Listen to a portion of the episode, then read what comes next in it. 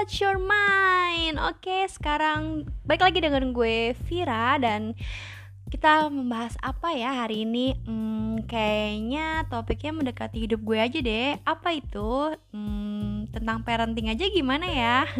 Oke, uh, jadi buat mama-mama muda atau mungkin mama-mama yang sudah berpengalaman boleh sharing yuk bareng uh, What's Your Mind karena uh, yang akan kita bahas hari ini adalah tentang hmm, apa sih yang kita pikirkan kalau kita melihat di sosial-sosial media hmm, ada parent-parent terutama parent orang tua baru yang mama muda baru gitu ya yang kayaknya jago banget sih ngurus anaknya wow gitu kan. Dan kita yang mungkin merasa ngelihatnya tuh yang kayak aduh kok anaknya dia makannya enak banget ya? Anak gue kok nggak mau makan ya? Atau uh, kok dia uh, anaknya pinter banget ya? Sedangkan anak gue kok nggak usah diatur ya gitu. Uh, dan karena kita watch your mind jadi yang ada di pikiran gue saat ini adalah hmm, emang beneran gitu ya? Bukannya yang dipajang sosial media hanya yang bagusnya aja ya? Jadi untuk moms yang lain jadi jangan berkecil hati gitu. Mungkin memang saat itu saat saat standby kameranya itu memang anaknya lagi enak banget gitu. Jadi pasti mereka juga akan merasakan susahnya menjadi parent gitu. Jadi don't be sad gitu. Kita sama kok gitu kan. Jadinya kita sama-sama belajar dan gak ada yang sempurna dan gak ada yang gak sempurna gitu. Kita semua sama-sama gak sempurna oke? Okay? dan mungkin ada moms yang bahaya gini sih. Uh, toksiknya adalah ketika anaknya selalu dipuji oleh orang lain saat anak itu mengalami masa-masa sulit atau masa-masa tidak bisa diatur atau tidak sesuai dengan kehendak kita atau bahkan netizen yang suka banget ngeliatnya anaknya lucu banget ya gitu dan kalian yang memposting hal-hal yang biasanya menyenangkan hati banyak orang lalu kalian akan drop karena anak kalian aduh posting apa nih? Dia lagi ini nih dia lagi itu nih. Bahkan kalian bisa menyalahkan diri kalian sendiri. Hmm hati-hati ya itu bahaya. Dan ya itu karena hmm, kalian sendiri bukan? Jadi menurut gue hmm, sharing boleh gitu tapi ingat kalau nggak semua anak seperti anak kalian nggak semua kondisi keluarga seperti kalian nggak semua kondisi ekonomi seperti kalian yang memang beruntung ya mungkin gitu. Ada babysitter di baliknya atau mungkin ada uh, mobil untuk jalan-jalan atau uang untuk pergi ke dokter yang mahal atau uh, selalu mainnya di playground dan segala macam. Bagaimana dengan orang tua yang hanya ngontrak, rumahnya kecil, depannya got atau mungkin gak punya uang untuk beli susu atau mungkin gak punya uang untuk makan sampai asinya gak keluar, bagaimana? Jadi pesan aku, eh pesan gue deh, pesan gue jadi hmm, sebelum kalian posting anak kalian, entah apa pun pikiran kalian mungkin niat baik gitu kan pasti niat baik lah gitu jadi tolong pikirkan juga perasaan orang lain dan perasaan eh, mama-mama muda atau mama baru yang kebingungan gitu karena jangan sampai mereka menjadi berkecil hati dan pesimis untuk uh, untuk mengurus anaknya sendiri karena melihat kalian yang begitu sempurna memposting ini dan itu oke okay? gitu aja ya kayaknya hari ini uh, dan kalau suka tunggu di podcast podcast selanjutnya. What's your mind. Bye bye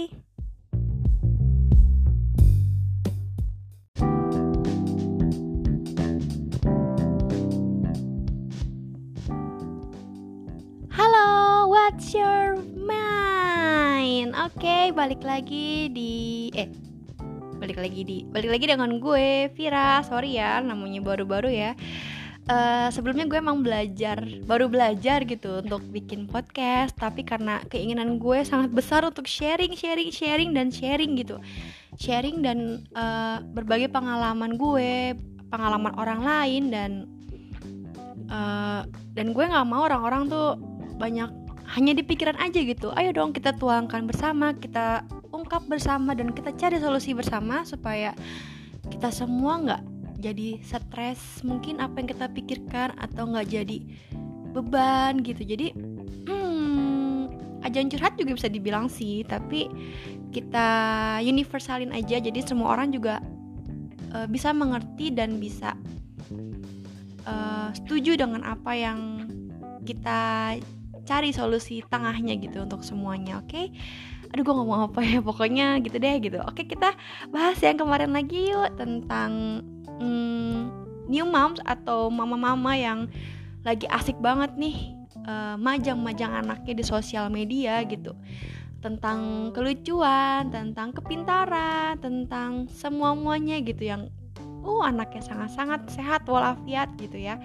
Jadi kita balik lagi uh, tentang itu karena uh, kalau dipikir-pikir ya uh, banyak loh um, parents atau orang tua yang stresnya luar biasa ya dan mendengar kata-kata seperti ini. Ingat ya masa-masa mas anak itu adalah seribu tahun masa hidupnya Eh seribu tahun masa awal kehidupannya gitu oke okay, gitu. Uh, memang benar. Memang benar. Tapi kalau seandainya saat tiga tahun atau seribu tahun eh seribu hari pertama ia hidup atau tiga tahun ya kurang lebih ya anak itu uh, orang tuanya sudah berusaha sangat berusaha memberikan yang terbaik tapi memang saat itu keadaannya tidak mendukung. Misalkan ada bencana alam atau mungkin orang tuanya sedang di PHK, tidak ada kerjaan atau mungkin harus meninggalkan kerja dua-duanya gitu. Yang satu harus mungkin kerja di pulau mana, yang satu harus gimana gitu dan nggak bisa memiliki uh, babysitter atau neni yang bisa ngejagain anaknya. Lalu anaknya gimana? Gitu loh. Jadi uh, seribu tahun pertama memang penting, eh, seribu seribu tahun seribu hari pertamanya memang penting tapi kalau seandainya mereka memang dengan berat hati tidak bisa untuk selalu ada atau untuk memberikan apa yang yang banyak orang-orang bilang atau dokter-dokter bilang harus begini harus begini dan mereka belum bisa terus mereka harus down atau bagaimana? Karena terus mereka nanti berpikir oh berarti seribu pertamanya gue gagal berarti anak gue akan menjadi anak yang gagal no itu salah besar. Keberhasilan orang tua itu bukan dari seribu hari pertamanya. Ini menurut gue oke? Okay? ini pikiran gue. Yang keberhasilan anak itu adalah sampai nanti sampai anak itu menutup matanya kembali atau sampai anak itu sudah tidak ada. Maksudnya dari awal hidup sampai aw, sampai akhir dia hidup dalam jalan yang berhasil. Itu adalah orang tua yang berhasil jadi kita nggak perlu sedih kalau kita belum bisa menjadi orang tua yang terbaik untuk anak kita saat anak itu kecil. Jadi kita masih punya banyak kesempatan. Seribu hari kedua mungkin seribu hari ketiga itu masih ada kesempatan. Masih banyak kesempatan. Kalau menurut gue semua orang tua itu baik semua orang tua itu benar gitu. Yang penting mereka sudah berusaha memberikan yang terbaik. Kalau belum bisa kalau anaknya belum mau atau nggak bisa dibilangin atau ya amit-amit ya maksudnya anaknya memang kurang sehat keadaannya dari lahir atau anaknya memang kurang sehat uh, jasmani atau yang lainnya pun bukan salah moms gitu. Jadi memang itu adalah takdir yang takdir yang datang gitu dari dari Tuhan gitu dari dari Tuhan untuk kita. Dan itu adalah cobaan agar kita tuh uh, menjadi orang tua yang lebih baik menjadi orang tua yang lebih sabar menjadi pribadi yang lebih berarti untuk orang itu atau untuk anak kita. Jadi jangan berkecil hati untuk para moms atau orang tua yang mungkin belum ada kesempatan untuk memberikan yang terbaik atau terlewatkan seribu hari pertamanya gitu jadi don't be sad masih banyak seribu hari yang lain, seribu hari lagi, seribu hari lagi. Setiap hari adalah berharga kalau kalian berusaha untuk anak kalian. Yang penting berusaha kalau anaknya belum bisa atau belum mau, it's okay. Gak apa-apa. Yang penting kalian udah berusaha. Oke. Okay? Jadi ingat semua orang tua itu sama dan semua anak itu berbeda-beda pola asuhnya itu mereka membutuhkan pola asuh yang berbeda-beda juga. Jadi jangan uh, menstandarkan anak seperti satu anak itu. Oh, anak itu paling pintar, kita harus kayak dia. Anak itu pintar, anak kita harus kayak dia. Tidak. Tapi biarlah anak kita menjadi diri mereka sendiri karena ya beda semua, beda kondisi, beda orang tua, beda gen, beda everything semuanya beda. Jadi Jangan berkecil hati, moms. Ayo kita terus berusaha untuk anak kita, oke? Okay? Sampai sini aja podcast kali ini dan bye-bye. Saksikan terus, eh saksikan, dengarkan terus ya podcast What's Your Mind. Bye bye.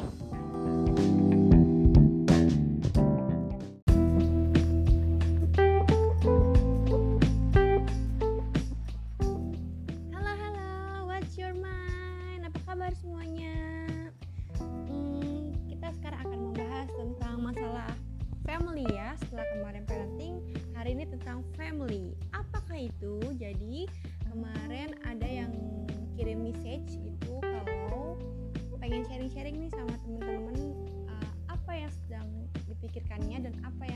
kira-kira kita semua pikirkan ya saat dia sharing masalah ini jadi uh, masalahnya adalah dia merasa dia adalah seorang anak ya yang pasti ya seorang anak jadi dia merasa hmm, ini terjadi pas saat dia dewasa ya dia baru merasa itu gitu jadi dia merasa kalau orang tuanya itu membanding-bandingkan atau membeda-bedakan atau merasa dibedakan dengan saudaranya yang lain gitu kakaknya atau adik-adiknya gitu. Jadi uh, dia merasa tidak adil gitu dalam kehidupan di dalam keluarganya gitu. Apakah kalian pernah merasakan ini? Atau hanya dia aja gitu yang baper ya gitu. Jadi uh, kita bahas yuk what's your mind? Apakah yang kalian pikirkan jika kalian mendapatkan masalah seperti ini atau merasa seperti ini di dalam keluarga kalian? Jadi kalau kita bahas dan menurut pendapat gue lagi uh, kalau seandainya terjadi itu kalau ditanya siapa yang salah sih siapa yang benar kalau terjadi itu kalau menurut gue sih nggak ada yang salah dan nggak ada yang benar karena orang tua juga mungkin merasa sudah adil terhadap anak-anaknya gitu kan. Tapi mungkin orang tua ya juga harus mengoreksi diri atau menanyakan langsung kepada anak-anaknya dek gimana? Uh, atau enggak? Mbak gimana? gitu kan atau mas gimana? Uh, apa yang kalian mungkin nggak suka dari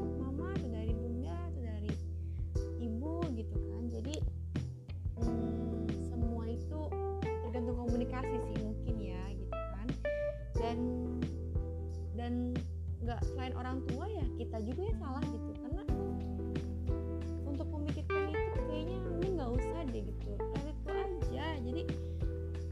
keluarga gitu. Mungkin saat itu ya kakak adik kita sedang membutuhkan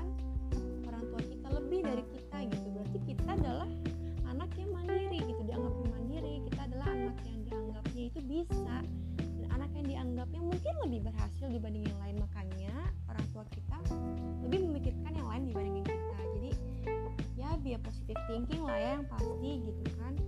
Tapi ya wajar juga sih mungkin sometimes kita boleh merasakan itu. Tapi ya jangan dibawa baper mungkin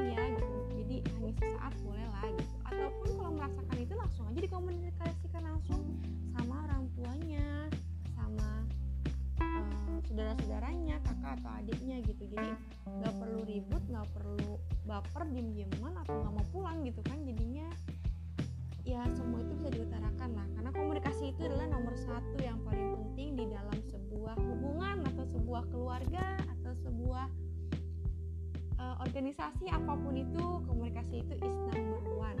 Oke? Okay? setuju nggak sih kalian?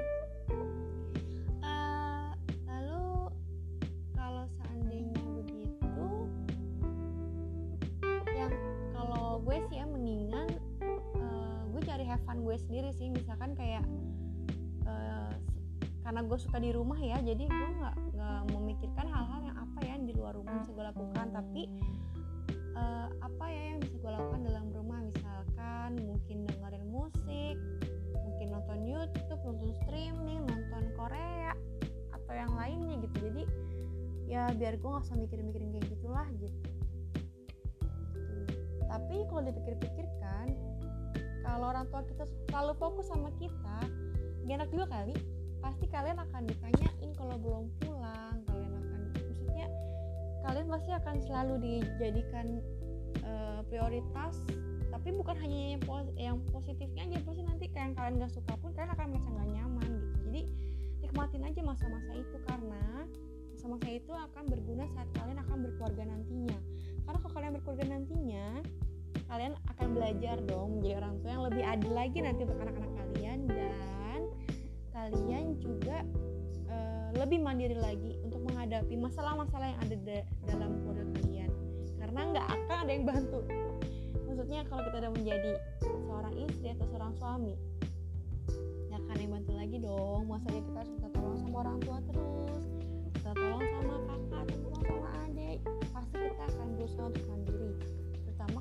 kalau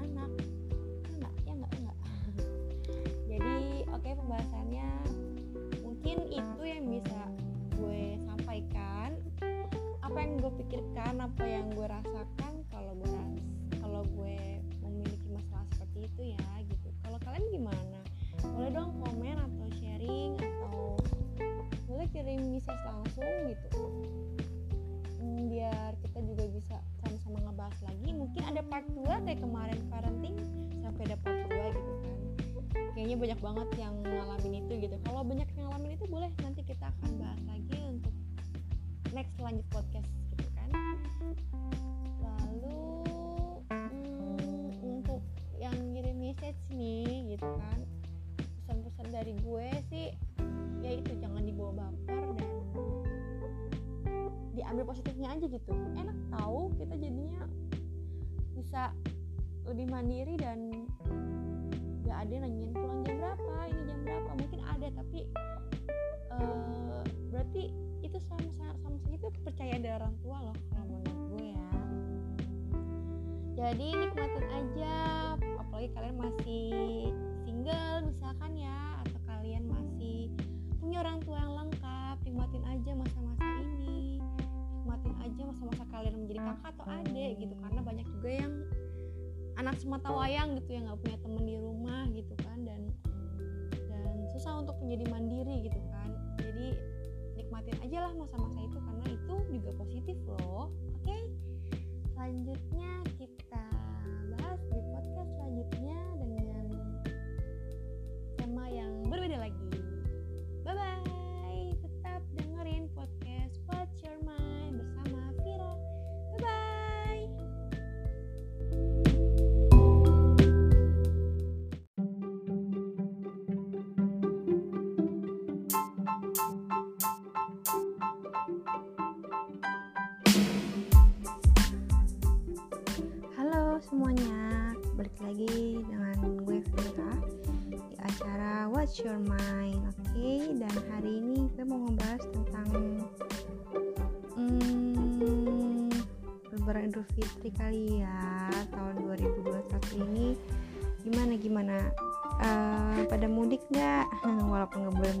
banyak yang nyuri-nyuri mudik.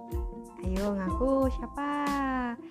Sebenarnya sih nggak apa-apa, cuman hmm, tetap harus jaga protokol kesehatan ya gitu karena yang rugi itu kita sendiri jadi uh, untuk diingatkan lagi kayaknya mendingan nahan sementara cuman sebentar gitu untuk hmm, apa untuk menjaga kesehatan kita gitu kalau kenapa-napa kan itu bisa ngerugin kita sendiri ya karena uh, gue ada tuh tetangga tante gue itu ada karena pengen banget pulang kampung malah itu katanya karena ibunya kangen gitu kan. Jadi akhirnya dia datang bawa cucunya istri bawa anak-anaknya gitu kan karena uh, ibunya mau ketemu cucu-cucunya gitu kan.